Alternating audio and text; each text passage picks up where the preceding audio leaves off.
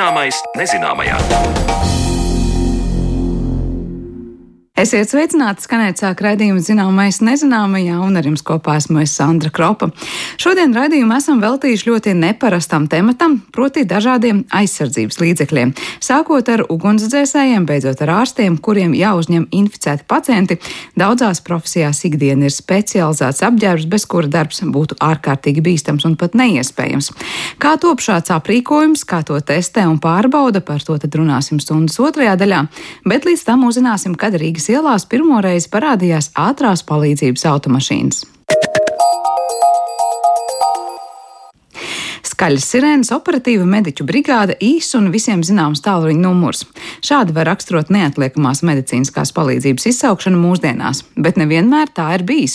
Sanāk mediķu brigādes automašīnas atpazīšanas pazīme bija sarkani plīvojoši karodziņi, bet palīdzības izsaukšanai vienā valstī pastāvēja dažādi numuri. Šīs un vēl citas pazīmes šķir mūs no agrākiem laikiem, kur un kā vēsturiski sākusies neatliekamās medicīniskās palīdzības izsaukšana, par to klausieties Marijas Baltkalnas veidotu ja ierakstā.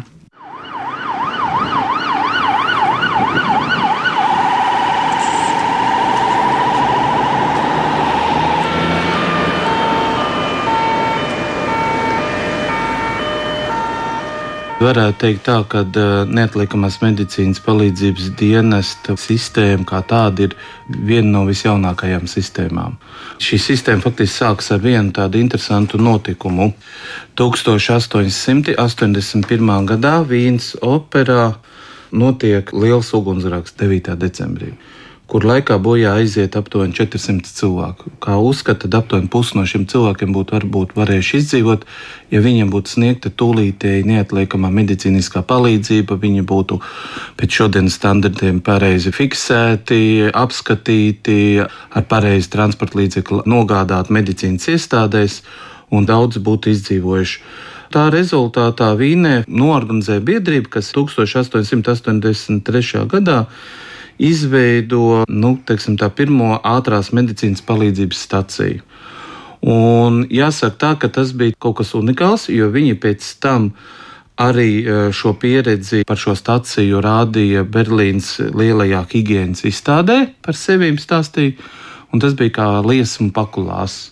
Mm. Momentāli tas tika pārņemts visās Eiropas valstīs un pat impērijās, jo, piemēram, arī Krievijas impērijā jau 1897. gadā Varšavā tiek atvērta pirmā šāda te ātrā ārsta palīdzības stacija, un savukārt jau 1900. Trešā gadā ārsts Ādams Bergmans nodibina Rīgas ātrās ārsta palīdzības biedrību, un pēc gada 904. gadā 1. martā tiek atvērta Rīgas ātrā ārsta palīdzības stacija tagadējā Jēkaba kazarmās pie Jēkaba ielas mm. galā. Šādu pārskatu par neatliekamās medicīniskās palīdzības dienesta sistēmas rašanos sniedz Mārtiņš Vesperis, Paula Stradiņa medicīnas vēstures muzeja pētniecības nodaļas galvenais pētnieks. Protams, pirms traģiskā notikuma Vīnē organizētai medicīniskai palīdzībai bijuši priekšteči, un pētnieks norāda, ka tos var meklēt jau senā medicīnas vēsturē. Kā piemēru viņš min situācijas, kad ārstiem vai viņu palīgiem bija jāsniedz palīdzība cilvēkiem pēc soda izpildes. Ja tika piemērots sots rokas nociršana, ārstam bija jāaptur asiņošana, jo sodītajam cilvēkam bija jāpaliek dzīvam. Arī Rīgā vēl krietnu laiku pirms 1904. gadā atvērtās Rīgas ātrās ārsta palīdzības stacijas bijuši aizmetņi glābšanas iestādēji, un par to turpina Mārtiņš Vesperis. Rīgā tiek dibināts 1792. gadā tāda pilsētas glābšanas iestāde. Tas tiek dibināts pie Daugaus. Ēka atradusies tagad aptuveni, kur ir peldu grēcinieku iela, nu, pie akmens tilta. Un tas bija domāts tieši tam nolūkam, lai šos cilvēkus, kas šķērso Daugavu, jo pirmais tilts, mēs zinām, parādās tikai 19. gadsimtā plosta tilti Cilvēki ziemas laikā bieži vien šķērso upi vai pavasaros un rudeņos ielūst ledu vai vienkārši laiva apgāžās, cilvēki slīkst. Un tā rezultātā tad eh, tiek izveidota šī iestāde, kur ir eh, konkrēti jau uzskaitīts, kas tur iekšā jābūt, cik jābūt lielam personālam. Un, eh, ja sākumā viņi nodarbojas ar šo slikstošo glābšanu, tad jau ar laiku, 19. gadsimtā pie viņas jau griežās jau arī cilvēki, kas ir ieguvuši dažādas nelaimes gadījumus, nokrituši no jumta, zirgu transports uzskrējis virsū un tā tālāk. Bet atgriezīsimies pie pētnieka iesākumā pieminētā notikuma - ugunsgrēka Vīnes operā. Tas ir būtisks pagrieziena punkts, lai pēc tam palīdzības sniegšana notiktu profesionālāk, operatīvāk, saudzīgāk attiecībā pret cietušo. Kā izpaudās ātrās ārstu palīdzības stacijas darbs un kā laika gaitā attīstījās dažādi transporta uzlabojumi cietušo pārvietošanai, to skaidro Mārtiņš Vesperis. Jā, tas ir speciāli izveidots dienests, kur var griezties, ja cilvēkam ir kaut kādas traumas vai cilvēks ir smagi slims. Faktiski tas ir dienests, kas nogādā slimnieku no punkta A uz punktu B punkts A tā būtu dzīves vieta vai vieta, kur viņš ir guvis eh, kaut kādu traumu, punkts B tā ir medicīnas iestāde.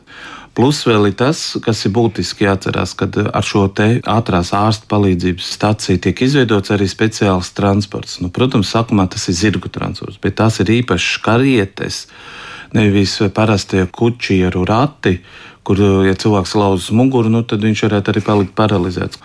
Cilvēkus tiek ielikts iekšā guļus pozā ir nestuvis pat ar segu.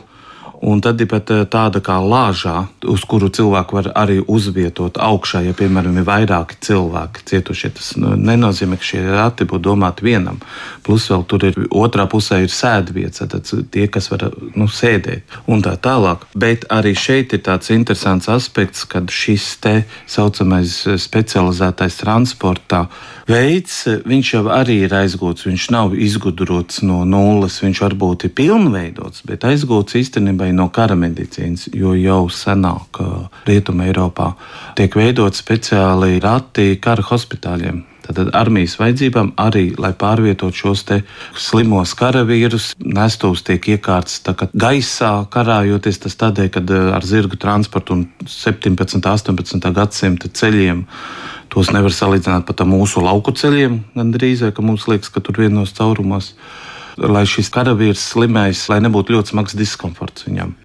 Protams, 20. gadsimts ir tas laiks, kad veidojas šīs automašīnas, neatliekamās medicīnas palīdzības dienestam. Tas ir īsi pirms Pirmā pasaules kara.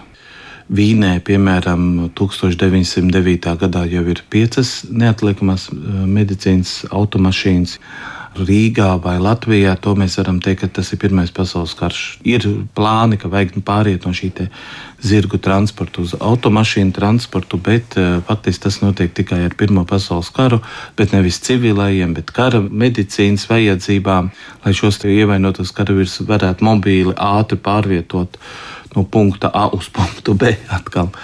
Bet te ir interesanti tas, ka tūlīt jau pēc kara, 1919. gadā, Latvijas sarkanais krusts saņem no Amerikas sarkanā krusta un no citām uh, organizācijām pirmos transporta līdzekļus. Un pirmais tās mašīnas, ko saņem sarkanais krusts, tas nav kā mēs iedomājamies parasta mašīna. Skaista, smuka, neatliekamā medicīnas palīdzība ar sirēnām. Tas ir četras smagās automašīnas, parastās. Kravas, jā. Kravas automašīnas, kuras sarkanais krusts ļoti ātri pārbūvē un pārtais līdzīgi kā šie zirga transporta rati ar kabīni, ar nestus, kur izvietot. Kur fiksēt cilvēku? Jā, un ievietot, un tad jau vēlāk, jau 20. gadu Otrā pusē jau tiek pasūtīts automašīnas speciāls, kuras tiek ražotas pat Rīgā vai tiek nopirktas. Un viņas jau aizvieto šīs pirmās pārtaisītās mašīnas. Un sākumā tas saucamais palīdzības signāls bija nevis sirēns, bet tas bija karodziņi, kas uh, izkrīt, kā saka, pie vadītāja. Bet varētu teikt, tā, ka pēc otrā pasaules kara jau ir sirēns mm -hmm. speciāls. Un sirēnas jau ir starp citu atšķīrās. Tām arī bija savi signāli, katrā valstī bija savi ieviesti signāli. Tā paudze, kas vēl ir dzimusi Padomju Savienībā, atcerās šīs sirēnas, un arī no padomju laiku filmām mēs daudz kur varam tādas spalgas, mm -hmm. tādas. Oh. Kaut gan arī šodienas šīs sirēnas, kad iedarbina, tad ir tāds eh, skaņas uzdevums, ir, kas saka, brīdināt, ka mēs braucam. Palaidiet mūs. Jā, Jā. palaidiet mūs. Jā.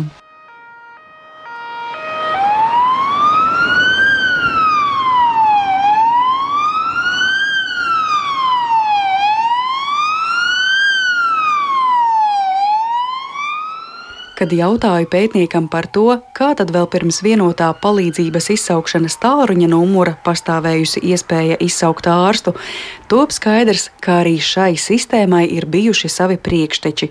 Jā, piezvanīt agrāk nevarēja, tomēr nevar teikt, ka tāpēc radās hauss. Cilvēkiem rīcības ķēdīte bijusi skaidra priekšstatu, kā tas viss notiek, to mēs ļoti labi varam iegūt romānos, daļliteratūrā. Kaut vai tā pati Agata Kristīna, viņa gan arī katrā piektā romānā būs darbība vai saistība ar ārstu. Jo, nu, kā saka, slepkavības vai slepkavības mēģinājumu, tad tur ļoti labi atspoguļojas šie te e, momenti, kur parādās, kad cilvēks ir saslims, jāsauc ārsts, tad tiek pasūtīts tā saucamie tie uh, ielu puikas, uh, kuri speciāli uz ielām uh, staigāja, un tad viņiem varēja iedot konvertu, lai viņš aiznes vēstuli no vienas vietas uz otru, vai arī viņam bija tas uzdevums ātrumā atrast šo ārstu, vai bija arī šie parastie kučieri, kas vienkārši brauca un tad varēja viņam pasūtīt. Ir tā, ka tie cilvēki jau zināja tuvumā, kur kas atrodas. Šodien mēs mējoties, varētu teikt, mobīlie telefoni. ja, nebija viss tā haotiski. Īstenībā jau sistēma bija labi izveidota un tā sistēma jau jau ir no ļoti, ļoti seniem laikiem, jo te jau nav runa tikai par ārstiem, te ir runa arī par mācītāju atsaukšanu vai kādu citu uzaicināšanu vai kādu ziņas nodošanu un tā tālāk. Bet, eh, ja mēs runājam par piezvanīšanu un ārsta izsaukšanu, vai ir arī iespēja izsakot līdzi tam, kurā brīdī rodas eh, šie tālruņa numuri, lai piezvanītu, un vai ir arī kāds princips, kāpēc, piemēram, ātrās palīdzības numuri tiek formēti tieši tā? Nu, kad attīstās tehnoloģijas, viņas ļoti ātri tiek ieviestas jebkurā disciplīnā, jebkurā iestādē. Arī šie tālruņa numuri, ja, protams, ja mēs runājam par 19. gadsimtu vai varbūt pat vēl 20. gadsimta sākumu līdz Pirmam pasaules karam, tad viņi tā īsti medicīnas iestādēm nebija. Varbūt parādās, sāk parādīties tur medicīnas iestādē kā tādai, bet tāds atsevišķi izdalīts dienas, kas pieņemtu šos te zvanus, jau nebija. Jo, piemēram, gan Krievijas impērijā, gan Rietumē Eiropā nu, telefons kā tāda luksus lieta jau parādās pirmkārt ļoti bagātiem cilvēkiem. Tā rupi teikt īsi pirms Pirmā pasaules kara. Bet eh, jau pēc Pirmā pasaules kara telefoni jau parādās. Un telefoni parādās visām tām medicīnas iestādēm. Pirmkārt, visās, tas ir domāju, slimnīcas pamatā. Tas var būt arī sanatorijas. Te jāskatās arī, kāda ir elektrības piekļuve. Ja nebūs Jā. elektrība, nebūs arī telefona. Jā. Un otra lieta, tas ir arī saistīts ar to, kāds ir arī transports. Te jāatcerās viena lieta, ja šodien mēs runājam par vienu kopēju neatliekamās medicīnas palīdzības dienesta šo te uh, sistēmu, kas darbojas kopīgi. Tad pirms otrā pasaules kara šī sistēma bija decentralizēta. Tas nozīmē, ka, piemēram, organizācija Latvijas sarkanais krusts bija savs ātrās ārsta palīdzības transports. Nu, piemēram, Liepājas slimnīcai bija savs ātrās palīdzības transports. Tā varēja būt viena mašīna, varbūt divas mašīnas, varbūt viņi vienojās kopā ar Latvijas sarkano krustu, kad uz abiem kopā būs viena vai divas mašīnas. Bija Rīgas pilsētas pirmais slimnīcai savs ātrās palīdzības transports un tā tālāk. Plus vēl, ko varbūt tā mazāk zina cilvēki, ka, piemēram, pie ugunsdzēsējiem arī pastāvēja, nu, tas ir līdzīgi kā šodien, vairs nav ugunsdzēsējs, bet viņš glābšanas ir glābšanas dienests pastāvēja pirmkārt viens cilvēks, vai tas bija felčers vai ārsts palīgs, kā šodien teikt, varbūt pat ārsts, kurš vienmēr strādāja šai dienestā. Un viņiem bija arī savs neatliekamās palīdzības, tāds, kā varētu teikt, nu, medikamentu aptieciņa, lai varētu sniegt palīdzību uz vietas tūlītās. Eh, bet eh, par šo transportu un telefoniem turpinot, varu teikt, tā, ka piemēram pirms otrā pasaules kara uz mašīnām pat bija bieži vien uzrakstīti telefona numuri, un tie telefona numuri nebija speciāli. Nu, tas tā kā šodien vai padomu laikos bija 01, 02, 03 tagad. vai 113. Jā. Tas varēja būt vienkārši pilsētas iedots telefona numurs, tas ir uh, telefona sistēmā, un tas arī bija uzrakstīts. Protams, cilvēks šo telefona numuru ļoti ātri atcerēs, jo sākumā jau tie numuri ir ļoti mazi. Viņi ir trīs ciparu, četru ciparu. Nu, piemēram, Rīgas pirmais slimnīcas ātrās palīdzības izsaukšanai 20. gadsimta 20. gada otrā pusē bija tāds telefona numurs 27, 4, 4, 4, 5 cipari. Bet tas, ka mēs aizejam tomēr laika gaitā līdz 113 un citās valstīs tās droši vien arī ir divu vai triju ciparu kombinācijas, nu, tas ir vienkārši veids, kā padarīt to vēl efektīvāku, operatīvāku. Tieši tā. Ja? Tas ir tādēļ, ka cilvēks stresa situācijā var pat aizmirst, kā viņus pašus sauc. Šie cipari ir ļoti būtiski, lai atvieglotu, lai cilvēkam nav jādomā, kāds tas cipars ir, jo tas ir tūlīt un tagad nepieciešams. Principā jau katra valsts veidoja savu sistēmu, un tad daudz kas iet viņiem arī vēsturiski. Tāpēc jau ir tā, ka braucam uz citām valstīm, mums būtu arī daudz lietas iepriekš jau jāsagatavojas, arī šis tālruņa numurs, kāda būtu jāzvan un tā tālāk.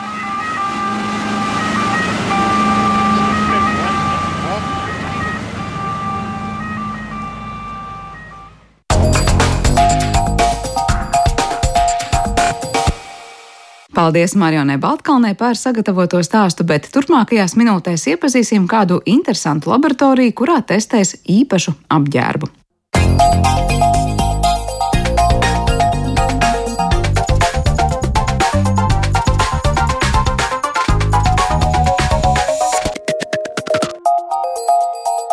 Zināmais nezināmajā. Sejas maskas un respiratori ienāca mūsu ikdienā tikai ar covid pandēmiju, lai gan dažu profesiju pārstāvjiem šāda aizsargtērpa valkāšana ir ikdiena. Latvijā tapusi unikāla laboratorija, kurā pārbaudīs, cik efektīvi pret vīrusiem, piesārņojumu, lielu karstumu un citām nelabvēlīgām ārējās vidas ietekmēm ir dažādi aizsarglīdzekļi, sākot ar ikvienam zināmajām sejas maskām līdz pat specializētajiem apģērbam.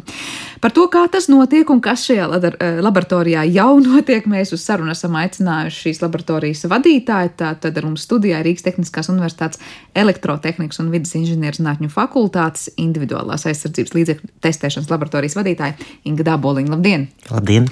Es tikko teicu, ka laboratorija pavisam, pavisam svaiga un jauna. Pastāstiet, kas īsti notiek un ar, ar ko šī laboratorija atšķiras no visām citām. Jā, laboratorija tiešām nu, diena ir pavisam svaiga un jauna, tapusi tādā, jāteic, rekordlielā īsā ātrumā, jo tā, tas. Nu, tās viņas izcelšanās bija tieši Covid laikā, kas, protams, bija pavisam nesen, un atklāta ir tikai 18. janvārī. Uh, kas tajā notiek? Tajā var pārbaudīt dažādus individuālās aizsardzības līdzekļu materiālus, sākot no šķiedru materiāla ķīmiskā sastāvā ar analītisko metodi, turpinot ar dažādiem fizikāli-mehāniskiem testiem pašam materiālam un noslēdzot ar uh, ergonomiskumu, ar pašā jau apģērba, jau maskas, respiratoru un, vienmēr sakot, individuālās aizsardzības līdzekļu, tādu performanci, ērtumu un atbilstību konkrētajam darbam. Tad no vienas puses pārbaudiet ne tikai to, cik ļoti labi veic savu funkciju konkrētais aizsarga līdzeklis, bet arī cik ļoti kaitīgs, nekaitīgs cilvēkam, lietotājiem. Jā, jā. Uh, lielākā daļa katrā, katras. Uh, nozīmes, īpatnību aizsardzības līdzeklim ir savs standarts. Ja? Tātad medicīniskām maskām ir atsevišķs standarts, respiratoriem atsevišķi un tā uz priekšu. Un tad šajā standartā jau ir ietvertas tās lietas, kas ir jāpārbauda. Un tur ir gan tas, cik labi tas derēs cilvēkam, cik ērti viņam tajā būs strādāt, respektīvi ergonomiskums, tad arī pašu materiālu īpašības un nekaitīgums cilvēkam, un uh, arī, arī dažas tādas tehniskas lietas, kas ir uh, vajadzīgas pārbaudīt, lai skaidri zinātu, vai ražotājs nav ar kaut ko nokrāpējis iespējas. Jā, tu varbūt uz, uzdod vēlamo par esamo. Jā. Jā. Par to, kā tas notiek, es tūdaļ soli pa solim arī pavaicāšu, bet pirms tam gribēju vēl precizēt, nu, kāda ir tas uh, klāsts līdzekļu, ko jūs pārbaudāt. Mēs piesaucam maskas, ko varbūt nu, tagad mēs katrs varam iedomāties kā pirmais aizsardzības līdzeklis, kas nāk prātā, bet cik ļoti dažādi ir tie paši priekšmeti, kurus var nest uz laboratoriju vai kas nonāk tur. Principā tie ir visi individuālās aizsardzības līdzekļi, kuros tā vai citā tiek izmantots šķiedru materiālu klājums, tekstilu materiāls, nu, papīra veidīgi materiāli arī. Bet šeit pašos pamatos ir jāsaprot, kas ir individuālās aizsardzības līdzeklis. Jo varētu šķist, ka mēs šobrīd bez tādiem sēžam. Tajā pašā laikā ārā ir augsts un siltā jaka ir individuālās aizsardzības līdzeklis. Ja, un, tad no šīs izpratnes jau mēs varam attīstīt tālāk, kas tad ir tālāk tas, tas aizsardzības līdzeklis tajā brīdī, kad mēs domājam par dažādām vidēm. Jo tieši vides ietekme jau ir tā, no kuras mēs cenšamies pasargāt cilvēku. Un tad tajā brīdī, kad mēs domājam par dažādiem atšķirīgiem speciālu uzdevumu apģērbiem, tad mēs arī domājam par tām dažādām vidēm, ko šis cilvēks satiks. Ja, tās ir samērā vien, mierīgas, vienkāršas, salīdzinoši ar citām profesijām, ikdienišķas. Ja, tad ir arī tādas, kur cilvēks satiekas ar ļoti, ļoti sarežģītiem apstākļiem, kā piemēram ugunsdzēsēji. Tad tas būs arī viss tas darba apģērbs kopumā, kas tiek pārbaudīts. Jā, jā? jā jo, jo testu mums ir ļoti daudz un dažādi. Ir pāri 80 iekārtām, viņas darbojās arī sinerģijā, un pārbaudīt var gan fizikāli mehāniskās īpašības, gan ūdens izturīgumu, gan uh, degamību, nedegamību, uh, izturību pret liesmām, karstumu noturību.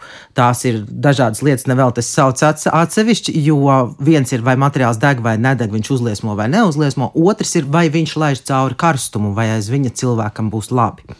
Un uh, arī, kā jau es teicu, komforta lietas, kā pārvada mitrumu, kā aizsargā siltumu. Mēs esam raduši par siltumu pretestību runāt par ēku būvniecības līdzekļiem, ja? bet uh, mums ir iekārts arī, kur mēs varam pārbaudīt, cik silti gal galā tam cilvēkam tajā apģērbā būs.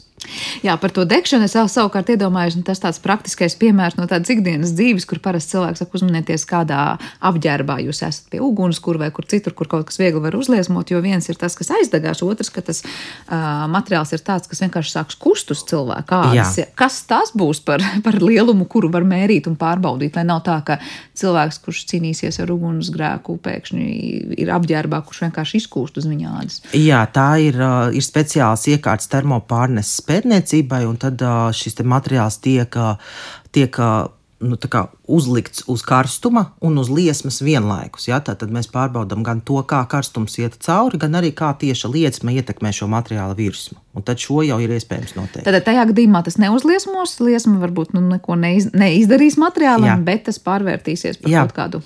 Karstumā. Jā, un tad šīs virsmas analīze ir tas, kas parādīs, vai, vai viņš kūst vai viņš nekūst. Kā mēs varam iedomāties, kā tas viss notiek? Jūs minējāt, ir 80 iekārtas, Jā. vairāk, nu, cik dažādas tās ir, un pēc tam nonāksim līdz tam, kā tur to katru priekšmetu var pārbaudīt un testēt, bet tā ir tāda milzīga telpa, kurā nu, viens pie otra ir dažādi sensori, vai, kas, vai, vai leduskapji, vai, vai ugunskura. Jāsaka, tā jānāk ciemos. Izstāstīt to nav tik vienkārši. Kā jau teicu, atbilstoši tām īpašībām, iekārtas droši vien arī varētu grupēt. Ja? Tad, tad tās ir iekārtas, kuras veic kaut kādas mehāniskās pārbaudes, piemēram, nodilumu izturības, stiepas, robežas stiprību. Ja? Tad tās ir iekārtas, kurās iestiprina materiālu, un viņš tiek pakļauts kaut kādai mehānikai. Tad ir lietas, kas strādā ar ūdeni. Ja, tā tad ūdens necaurlaidīguma pārbaudas, virsmas mitrināšanās pārbaudas un tam līdzīgi. Ja, tā tad šīs iekārtas arī ir ļoti atšķirīgas. Ir divas iekārtas, kas stāv uz galda un ir pavisam vizuāli ļoti necilas. Ja, un tad ir tāda brīvstāvoša iekārta, kas aizņem nu, tādas kārtīgas cepeškrāsnes vietu. Ja.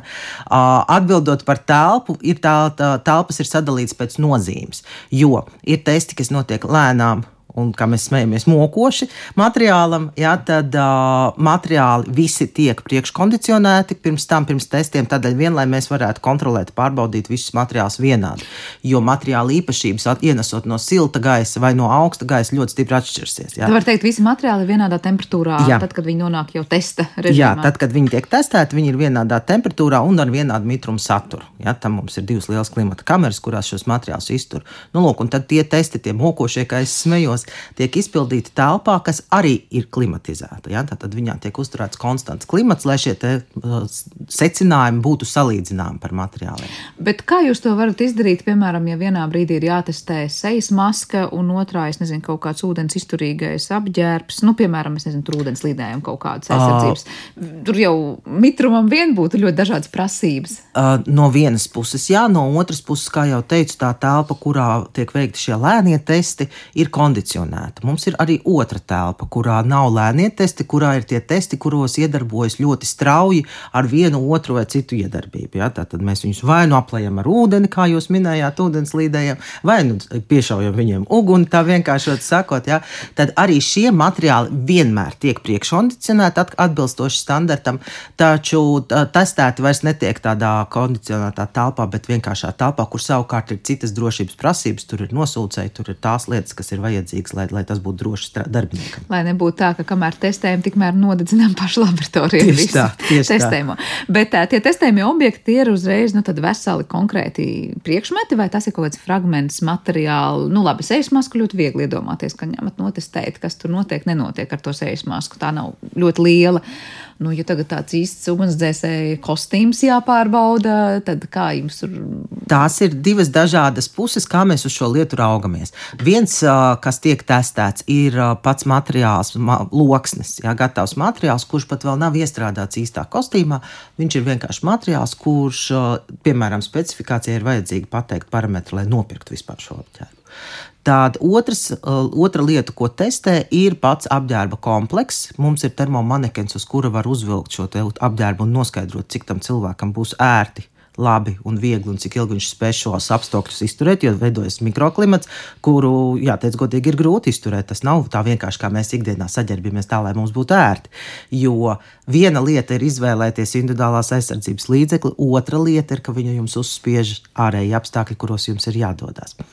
Un tajā pašā laikā notiek arī testi, kur tiek testēts jau gatavais apģērbs, viņa spēja izturēt konkrētos paredzētos apstākļus, tad mēs šo apģērbu sagriežam. Jo, piemēram, viena lieta ir, kā iztur ūdeni materiāls, otra lieta ir, kā iztur ūdeni šī materiāla savienojuma vieta, respektīvi vīli. Ja, tad šī šuva tiek eksponēta tam testam. Tas ļoti detaļās pat patiesībā pārbaudāt. Bet uh, jūs minējāt šo manekenu, tad nozīmē, ka jūs uzvelkat to pašu aizsardzības tērpu Un tad nu, tas ir kaut kāds vidējais aritmētiskais, es pieņemu, izmērā, ja cilvēks jūs pārbaudat, cik ilgi viņam tur būs karsti, augsti un, un tā tālāk, vai viņš vispār spēs pakustēties, bet tas jau droši vien ir atkarīgs no tā, nu, cik liels ir cilvēks, cik atbilstoši viņam šūts ir šis apģērbs. Jā, jā, to jūs ļoti pareizi uztvērāt. Ergonomiskums un, un antropometriskā lieluma atbilstība ir tiešām ārkārtīgi svarīgas lietas, lai, lai īpaši uzdevuma apģērbs kalpotu labi. Jā, tas nav tikai par to, cik ērti cilvēkam ir pakustēties. Ja tas apģērbs būs par mazu, tad viņš, protams, nespēs izpildīt tos uzdevumus, bet viņam arī tas apģērbs nesargās, jo ir vajadzīgs šīs gaisa kabatas, ir nepieciešams, lai šis apģērbs būtu tā atbilstīgs, kā viņš ir paredzēts. Ja apģērbs būs par lielu, tad viņš ātrāk nodils, jo viņš uh, sagumzās, viņš, viņš vairs arī nepilda savu funkciju. Bet, jā, termomanekens, es nevaru teikt, jā, mēs pētām, jā, mēs darām, jo termomanekens ir nu pat, nu pat svaigi atbraucis. Viņš vēl nav pat uzstādīts, viņš mierīgi sēž savā istabā un gaida, kad viņam pie viņa atbrauks speciālists, kurš viņu uzstāda. Bet uh, pasaulē, protams, šie testi tiek veikti ar. Uh, konkrēti manekeni izmēram paredzētu apģērbu, tā lai viņam viņš būtu lieluma atbilstīgs. Mūsu manekens ir tāds, nu, šobrīd pasaulē visgudrākais, jāsaka, godīgi. Ar ko? Ar to, ka viņam ir uh, 35 dažādas uztveres zonas. Jā, tad viņam šie sensori ir sadalīti pa visu ķermeni tā, lai mēs zinātu, kura tad tieši ir tā vieta, kas pārkarst. Iepriekšējās paudzes manekenos tā nebija. Tad vienkārši zināja, nav vērti, bet īsti nezināja, kur ir tā vieta, kas jālabo. Tagad mums ir sadalīts manekens 35 zonās, un mēs diezgan precīzi zināsim pateikt, kas ir tas, kas nav labi. Uh, plus viņam vēl ir arī iešanas sistēma. Ja? Tad viņš imitēs kustības, kas ir ļoti labi, jo tas imitē ne tikai to, kā apģērbs pārvietojas pa ķermeni, ja? šīs tangenciālās pārbīdes, bet arī ļauj noskaidrot uh, gaisa laminārās plūsmas starp apģērbu un cilvēku ķermeni. Ja? Un tas savukārt ļoti izmaina to, kā materiālu jūt ķermenis. Jo kamēr mums materiāls vienkārši ir uzlikts, tikmēr viņš strādā vienādi, bet līdz ko viņam ir vēl šī gaisa plūsma pa vidu, tad tas strādā citādi. Un atkal atgriežoties pie tām 35 zonām, mēs labi zināsim, kurā vietā tas gaisa plūsmas vairāk vēsina un kurā vietā tas apģērbs vairāk piekļaujas. Plus viņam vēl ir svīšanas funkcija, plus viņam vēl ir arī elpošanas funkcija. Ja? Tad viņš spēja imitēt ļoti, ļoti plašu tādu rādītāju kopumu, ietekmes kopumu. Tas, kas šobrīd mums ir lielais mīnus, ir mēs neesam tikuši tikuši pie viņa speciālās kameras, jo viņš spēja strādāt no mīnus 20 līdz plus 50 grādiem. Ja? Tad mēs varam imitēt arī dažādas vides. Tas ir ļoti dārgi un mums viņas vēl nav. Bet uh, ideja ir tāda, ka tā būs konkrēta istaba. Nu, piemēram, mēs tā varam iedomāties, kurā šis uh, manikens tiek novietots. Un tad jums ir jādara viss iespējamais, lai konkrētajā tajā telpā būtu tie mīnus 20 vai plus 50, imitējot, piemēram, tur, nezinu, ugunsgrēku vai kaut kādu glābšanas operāciju. Ugunsgrēku tad... imitēt mēs nevarēsim, jo šis manikens nav paredzēts dedzināšanai. Uh, viņš ir paredzēts mikroklimatam, tātad termomanekens. Viņš ir paredzēts tam, lai noskaidrotu, cik ērti ir cilvēkam. Ja? Tātad mm. tieši šie mikroklimata mērījumi. Ir arī tādi manekeni, kurus var dedzināt, bet nu, to mēs pavisam, neva, dārgi, pavisam nevarējām atļauties. Jāsaka tā. Bet atbildot par to istabu, viņam, jā, viņam ir sava telpa, taču tā telpa, kas nodrošina tos mīnus 20 līdz plus 50, ir atsevišķa specifiska kamera, tāda nu, liela mm -hmm. mikroklimata kamera, jā, kurā tad tiks, tiks tad, kad būs līdzekļi, iebūvēt šajā telpā, lai tos mērījumus var nodrošināt. Kas ir tie potenciālie nu, klienti, ja tā var teikt, labi, no vienas puses var teikt, ražotājiem interesētu jau zināt, nu, kur tad ir tajos, cik punktos ērti, nērti, mm -hmm. pa karstu, pa augstu. Un, un otra jautājuma daļa, kas ir tie lietotāji? Vai mēs runājam tagad par glābējiem, kuriem būtu šādi aizsardzības līdzekļi vai kuru profesijas pārstāvi? Principā tas ir interesanti tieši tā gan lietotājiem, gan ražotājiem, jo šādi pārbaudīt jau var ne tikai ļoti sarežģīts un īpašs uzdevuma apģērbs. Ja šādi pārbaudīt var pat ļoti vienkārši sporta tērpi, ja, lai noskaidrotu, vai konkrētie materiāli strādā labāk, vai tie nākamie materiāli strādā labāk. Uh, savukārt, jā, no lietotāja viedokļa, protams, ka tās ir visas īpašas uzdevuma vienības, visi speciālie dienesti, jā, kuri, kuri saskarās ar ikdienas darba apģērbu uniformu. Un tad, uh, ņemot vērā, ka tur cilvēkam ir ļoti, ļoti ierobežota iespēja izvēlēties, ko viņš šodien vilks mugurā, jā, tad uh, ir šie apģērbi jāpārbauda, lai saprastu, ka mēs nedaram pāri saviem cilvēkiem. Var teikt, militārā sfēra arī ir tā. Arī militārā sfēra pilnīgi noteikti, jo, jo šajā sfērā ir pavisam neparedzami darba apstākļi, jo vienas militārās aktivitātes notiek vienā pasaules malā, citas citā. Nu, protams, ka tie ir arī ugunsdzēsēji, jo viņiem savukārt ir ārkārtīgi smagi šie darba apstākļi. Jā, tas ir karstums, īpaši vasarā, kur viņš ir pārkarsts jau dodoties uz objektu, nemaz nerunājot par to, ka šajā karstajā laika, šajos karstajos laikapstākļos viņam vēl ir jādodas ugunī.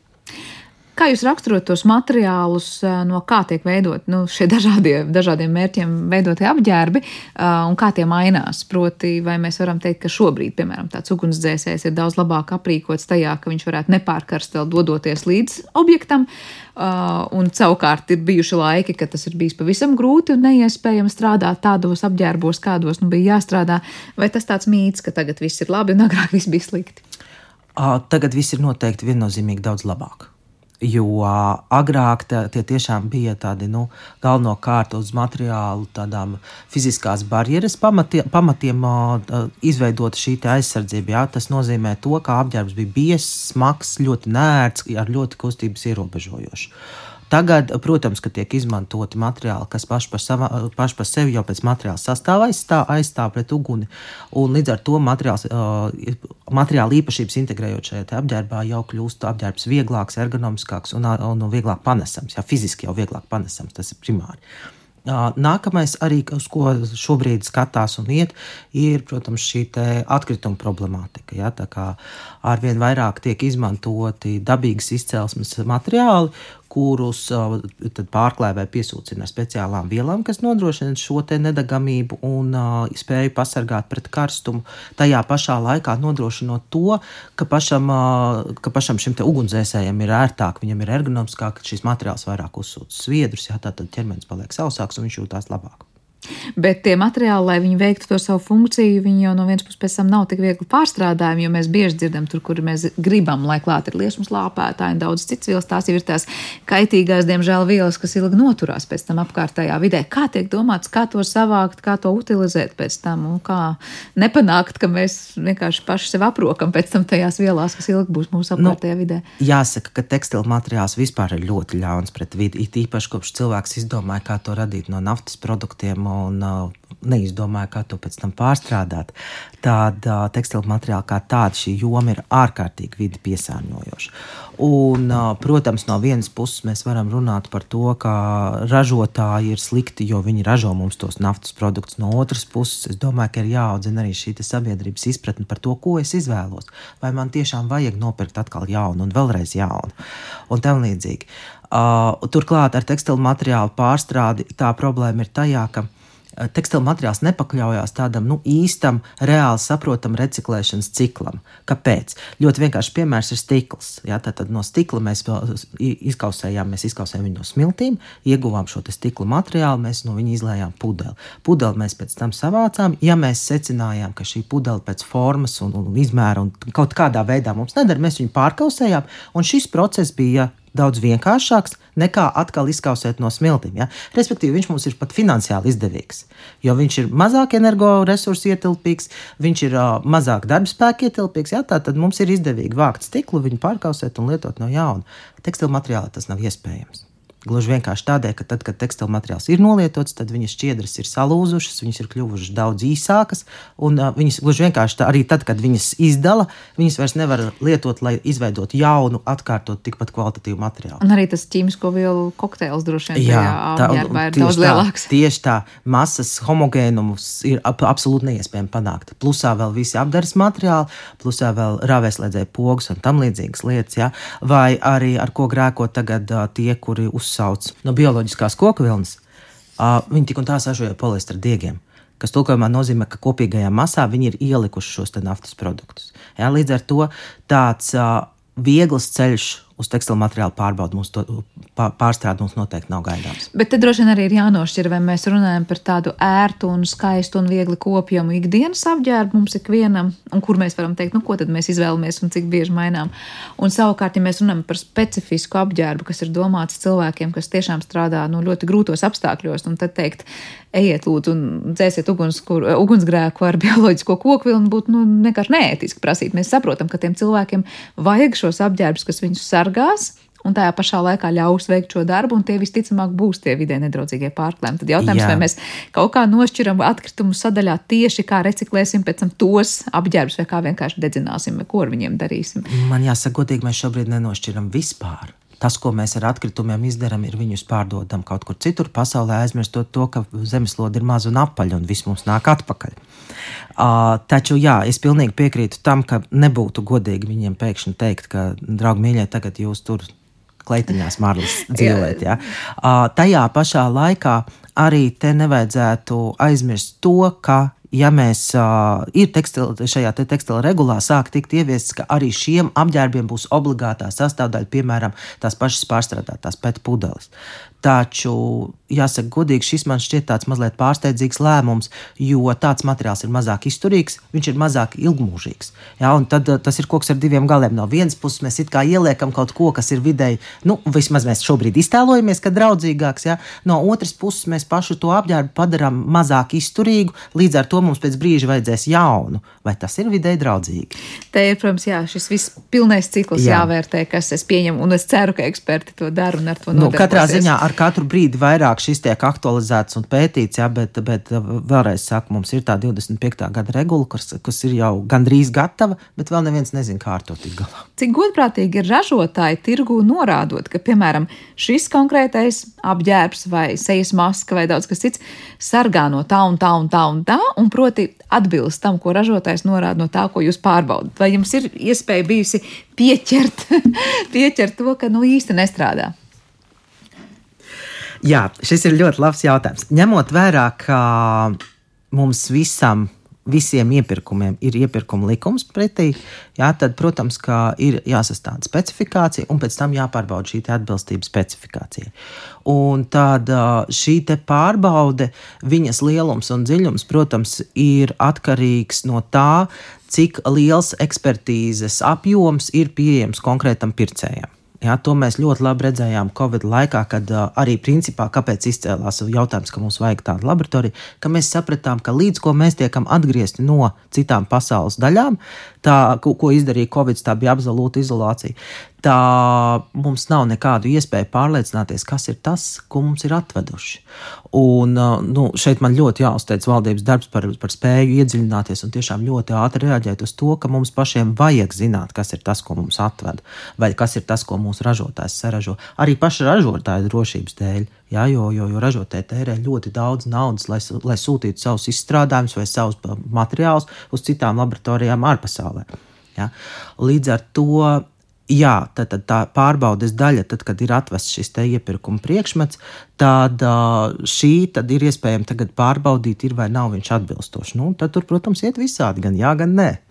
Tad piemēri ir gan labie, gan sliktie, bet kaut kādas ir proporcionāli, ko mēs varam teikt, nu, vairumā gadījumu viss ir kārtībā un tas, ko ražotājs norāda ir ticams, vai tomēr ir ļoti liels procents, kur mēs varam teikt, nu, ļoti, ļoti, ļoti jādala ar divi tas, kas ir rakstīts uz varbūt iepakojumu? Uh, jāsaka tā, statistika manā pusē vēl nav tik liela, lai es varētu tā spriest, jā, jo laboratorija ir samērā jauna. Mums šobrīd notiek akreditācijas process, akreditācija tiek paredzēta vasaras vidū, jā. Līdz ar to es domāju, ka tad arī sāksies lielāks darba apjoms, un tad mēs varēsim par šo spriest. Tā, tā subjektīvi un emocionāli par to ne. nespriedīsim. Bet cik ātri ir iespējams? Iespējams pārliecināties par to, nu, tad tas konkrētais apģērbs, piemēram, vai materiāls veic savu funkciju, ir nav kaitīgs, vai tas ir tas, ka tur stundām notiek testi, dienām, nedēļām, kā? Atkarīgs no testa. Piemēram, nu, tāds vienkāršs, salīdzinoši vienkāršs mehānisks tests ir nodalījuma izturības tests, kur standarts nosaka, ka šīm darba apģērbām uniformām ir jāiztur vismaz 50 tūkstoši berzes ciklu. Nu, tas tādā vidēji darba dienu ņemot, aizņem divas darba dienas. Jo, nu, tas nenozīmē, ka cilvēks stāv blakus. Tas nozīmē, ka mašīna strādā. Viņai vienkārši, gluži vienkārši brīdim ir jāpieiet klāt, jāpārbauda materiāls un jāuzliek pēc standarta atbilstošais jaunais ciklu skaits. Ir pētījumi, kas mērījumi, kas notiek ļoti ātri. Jā, tāpat stiepjas robežas stiprība iekārta tiek iekārtot, viņi stiepjas pukšs pārtrūkst, mēs redzam rezultātu. Jā, pieci parādi pārbaudīt, un mēs varam jau izdarīt secinājumus. Nu, tas kopā aizņem kādu pusstundu. Jā, tā, tā, tas ļoti, ļoti atkarīgs no tā, kāda ir testa būtība. Mikrobioloģiskie testi ļoti ilgi, jo tur, tur ir jāpaspēj izaugt tam baktērijām.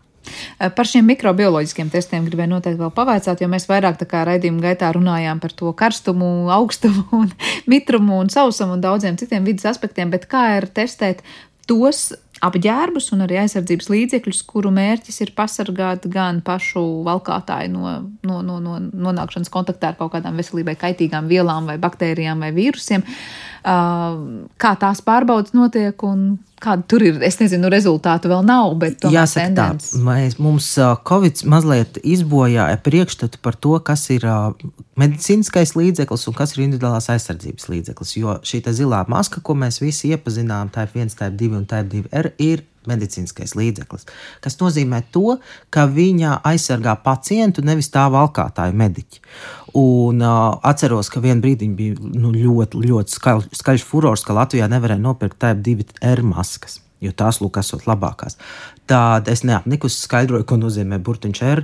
Tas nozīmē izturību pret asins šļakatām, kas ikdienas cilvēkam nebūtu nav vajadzīgs, un pat ne, ne, ne katram mediķim to vajag. Tas ir nepieciešams tikai ķirurgiem. Jā, līdz ar to uh, mikrobioloģiskās pārbaudes notiek uh, gatavam, tīram, atvestam ražojumam. Ja? Tātad tiek pārbaudīts, vai maska jau nav netīra, tad, kad viņa ir atvesta. Standartā tieši tā arī tas saucās - mikrobioloģiskā tīrība. Protams, mēs varam analizēt tās maskas, kuras uh, ir pavalkātas, kuras uh, mums patīk nesāt kabatās cilvēkiem vēl tagad ir artefakti kabatās. Jā, jo ir jā, taču kādreiz, kad iet medicīnas iestādē, tad ir noderēs. Jā, noderēs noteikti. Jā. Lūk, šis būtu tas, kas ar laiku man būtu interesanti pārbaudīt, kas tad tur ir saudzis, jo es pieļauju, ka tur ir vesels zvērdārs. Bet jūs pārbaudat arī to, nu, kas notiek ar to, kādu efektivitāti tā maska rada, piemēram, tajā brīdī, Jā. kad viņa vienreiz ir bijusi kabatā un mēs viņu lietojam otrais, tad jautājums, vai mēs vispār kaut ko sargājam, vai sargājam par 2%, vai 22%, vai 52%. Šādas informācijas vai par 2 vai 22 man nav. Un arī visticamāk nebūs, jo pašu testu būtība ir, protams, atkārtojumā un kontrolētos apstākļos. Ja? Tātad, ja mēs gribam pārbaudīt, vai maska aiztur šīs baktērijas un vai viņa pati ir tīra, tad man vajag vismaz 20 maskas, kuras ir izturētas vienādos apstākļos. Tas, protams, sadzīvē ir neiespējami neiespējami. Mēs varam pārbaudīt dažādu kabatu, dažādus atradņus, jā, un secināt kaut kādus vidējos. Bet nu, šeit es aicinātu kādu vidusskolnieku, kuram ir jātaisa zinātnisks pētnieciskais darbs, lai viņš salasa veselu kaudzi ar maskām un nāk uz laboratoriju pārbaudīt. Tas, ar citu, tas nav nemaz ne, ne tik uzjautrinoši vai joks, jo ļoti bieži tieši studenti vai skolēni pētījumi var atļauties kaut ko pētīt jā. jomās, kas ir pietiekoši nu, tādas šauras, jā. ar kurām citi nenodarbosies. Tieši tā, kur, domāju, kuriem kur nebūs būs... laika kaut kam, ka, ka, kas ir aizņemts ar ar, nu, ar nu, teiksim, tā, nopietnākiem pētījumiem, jā, tad šis jā, varētu būt ļoti interesants mērījums. Kas jūs, tas ir tas, kas. Jūs saredzat, ka jums būs sadarbība ar skolēniem, studentiem, kas varbūt jūsu laboratorijā nonāks? Jā, es esmu ļoti, ļoti priecīgi, ja kādam ir interese. Es tiešām esmu neviltot priecīgi. Pie manis ir nākušas arī vairākas skolēnu grupas jau, un es arī viņiem esmu teikusi, ka, ja ir kāda ideja, kas, kas interesē, tad var nākt. Tāpat studenti ir laipni aicināti, un starp citu, drīz būs uzņemšana. Piemēram, tas potenciāls, ko es saredzu, ir uh, elektrotehnoloģijas fakultāte, ir tāda programma kā adaptronika kurā, jā, uz, uz bargās elektrotehnoloģijas pamata, bet tomēr tiek mācīts tas, kā sadarbojas cilvēks ar vidi, kā mēs varam ar šiem sensoriem, ar visādiem gudriem materiāliem palīdzēt cilvēkam. Ja? Tam pašam aizsargam, kurš mūs sargā pret uguni vai, pret, vai valsts sargā, ja?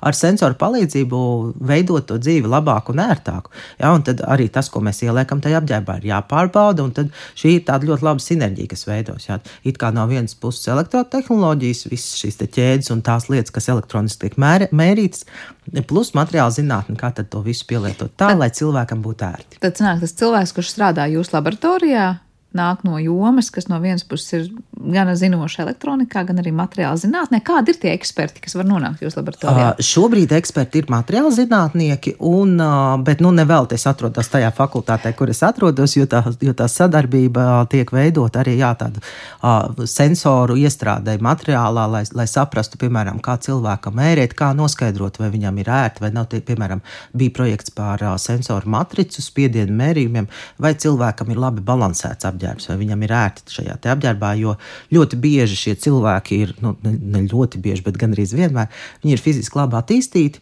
un viņi paši jau to neuzskata par nērtību. Tajā pašā laikā, gluži kā sekundžu sportā, nogurums akumulējas. Un, ja tas apģērbs ir slikti balansēts, tad uh, cilvēks nogurst ātrāk. Ja, šie ir tie pētījumi, dabas mimikrijas pētījumi un tam līdzīgas lietas, ja, kas, kas savieno šo starpnozaru kopā. Tā kā skatīsieties arī dabā, kur var kaut ko ja. nošpikot, noskatīt un izveidot veiksmīgākus risinājumus. Tad pieminēt arī sportistus. No vienas puses arī neaizmirsīsim par sportistiem, kuru interese varētu būt pārbaudīt apģērbu materiālu, ja. lai rezultāti būtu labāki. Ja, tieši tā. Mums jau ir bijusi sadarbība ar kamaniņu sportu, un es ceru, ka turpināsies. Vēl viens aspekts, kurā es noteikti gribēju pavaicāt, mēs te runājam pirms tam par šo mikrobioloģisko piesārņojumu, to, cik tīra, netīra, piemēram, ir pati maska vai tas priekšmets, pēc tam par to, cik ļoti tā pasargā, nepasargā no tā, ka tas, kurš to valkā, citiem iedos kādu piesārņojumu vai, vai slimību. Vai jūs testējat arī to, eh, nu, piemēram, cilvēki, kas strādā kādās laboratorijās, nu, kur jau ir specifisks apģērbs, lai neinficētos no tās apkārtējās vides ar kaut kādām baktērijām, vīrusiem? Uh, ir kādas nezinu, Jā, maskas mums, vai kas cits, kas nonāk mums jūsu? ir vairāki dzīvē? testi, ko mēs varam veikt, uh, piemēram, sauso mikrobioloģisko daļiņu piesārņojumu ietekmi uz tekstilu materiālu, ca, viņa caurlaidību kustību un tam līdzīgi. Tāpat mitros apstākļos to pašu, arī tas pats asiņu tests, lai pārbaudītu, vai asins un citas šķidrumi pārvietojas cauri un tam līdzīgi. Tikai, jā vienmēr sakot, turpmākie soļi laboratorijās, protams, akreditācija vēl tikai būs, un visas tās skaistās un pareizās lietas mēs dzirdēsim, bet pētījuma virzieni, kuros strādāsiet, jau ir skaidri, un konkrēti pētījumi jau ir sev pieteikuši. Noteikti, jā. jā, un pie kā man jāteic, ka tas ir tiešām, nu, kā jau sarunā bija dzirdams, ļoti, ļoti dažādās jomās, un es tiešām ļoti labprāt redzētu ieinteresētus cilvēkus, kur ir gatavi to izmantot, jo ņemot vērā, ka tas aprīkojums ir tiešām ļoti plašs, tad uh, viņu turēt dīkstāvē nu dienu nav nekāda nolūka. Jā, tad, tad atvērtām idejām esat Jā. un atvērtām daudzām citām lietām, bet uh, sarunas laikā arī atbildēt uz jautājumu, kāpēc mums ir svarīgi, ka šāda laboratorija ir šeit, jo liktos, nu kāpēc mēs to pašu gudro materiālu nevaram pārbaudīt citā valstī vai citā reģionā. Tad tas ir veids, kā uz vietas šeit pašiem nesot izolētībā, mēs varam pateikt uh, un pārliecināt būt par to, kas mums ir atsūtīts. Jā, plusā vēl arī tiem, kas rada inovācijas, kas rada kādus jaunus materiālus, vai tos pašus jau pieminēja adaptronikas studentus, ja, kuri rada savus projektus, mēs varam pārbaudīt iteratīvi, kas būtu ārprātīgi dārgi to darīt kaut kur ārpusē, jo arī turklāt tur vienmēr sagaida jau gatavu produktu konkrētā skaitā. Ja bez tādas radošas pieejas, tad mēs varam būt pietiekoši radoši un savējos atbalstoši. Un var teikt, kādā solī pateikt, šeit griežam to kuģi atpakaļ Jā, un kaut ko mainām. Nu, ko lai izdodas ar visiem turpmākajiem turpmākiem pētījumiem, un es ļoti ceru, ka būs dzirdīgs ausis, kas atradīs arī to, ka tiešām tās iekārtas Latvijā ir un tās tiks izmantotas. Paldies par sarunu. Teikšu Rīgas Tehniskās Universitātes elektrotehnikas un vidus inženieru zinātņu fakultātes individuālās aizsardzības līdzekļu testēšanas laboratorijas vadītājai Ingai Dāboliņai. Ar to arī raidījums ir izskanējis, un paldies par to producentei Paulai Gulbinskai, mūzikas redaktoram Girtam Bišam, Nora Mitspapa bija skaņu režijā un es Sandru Kropa studijā. Mēs tiekamies jau atkal rīt. Visu labu!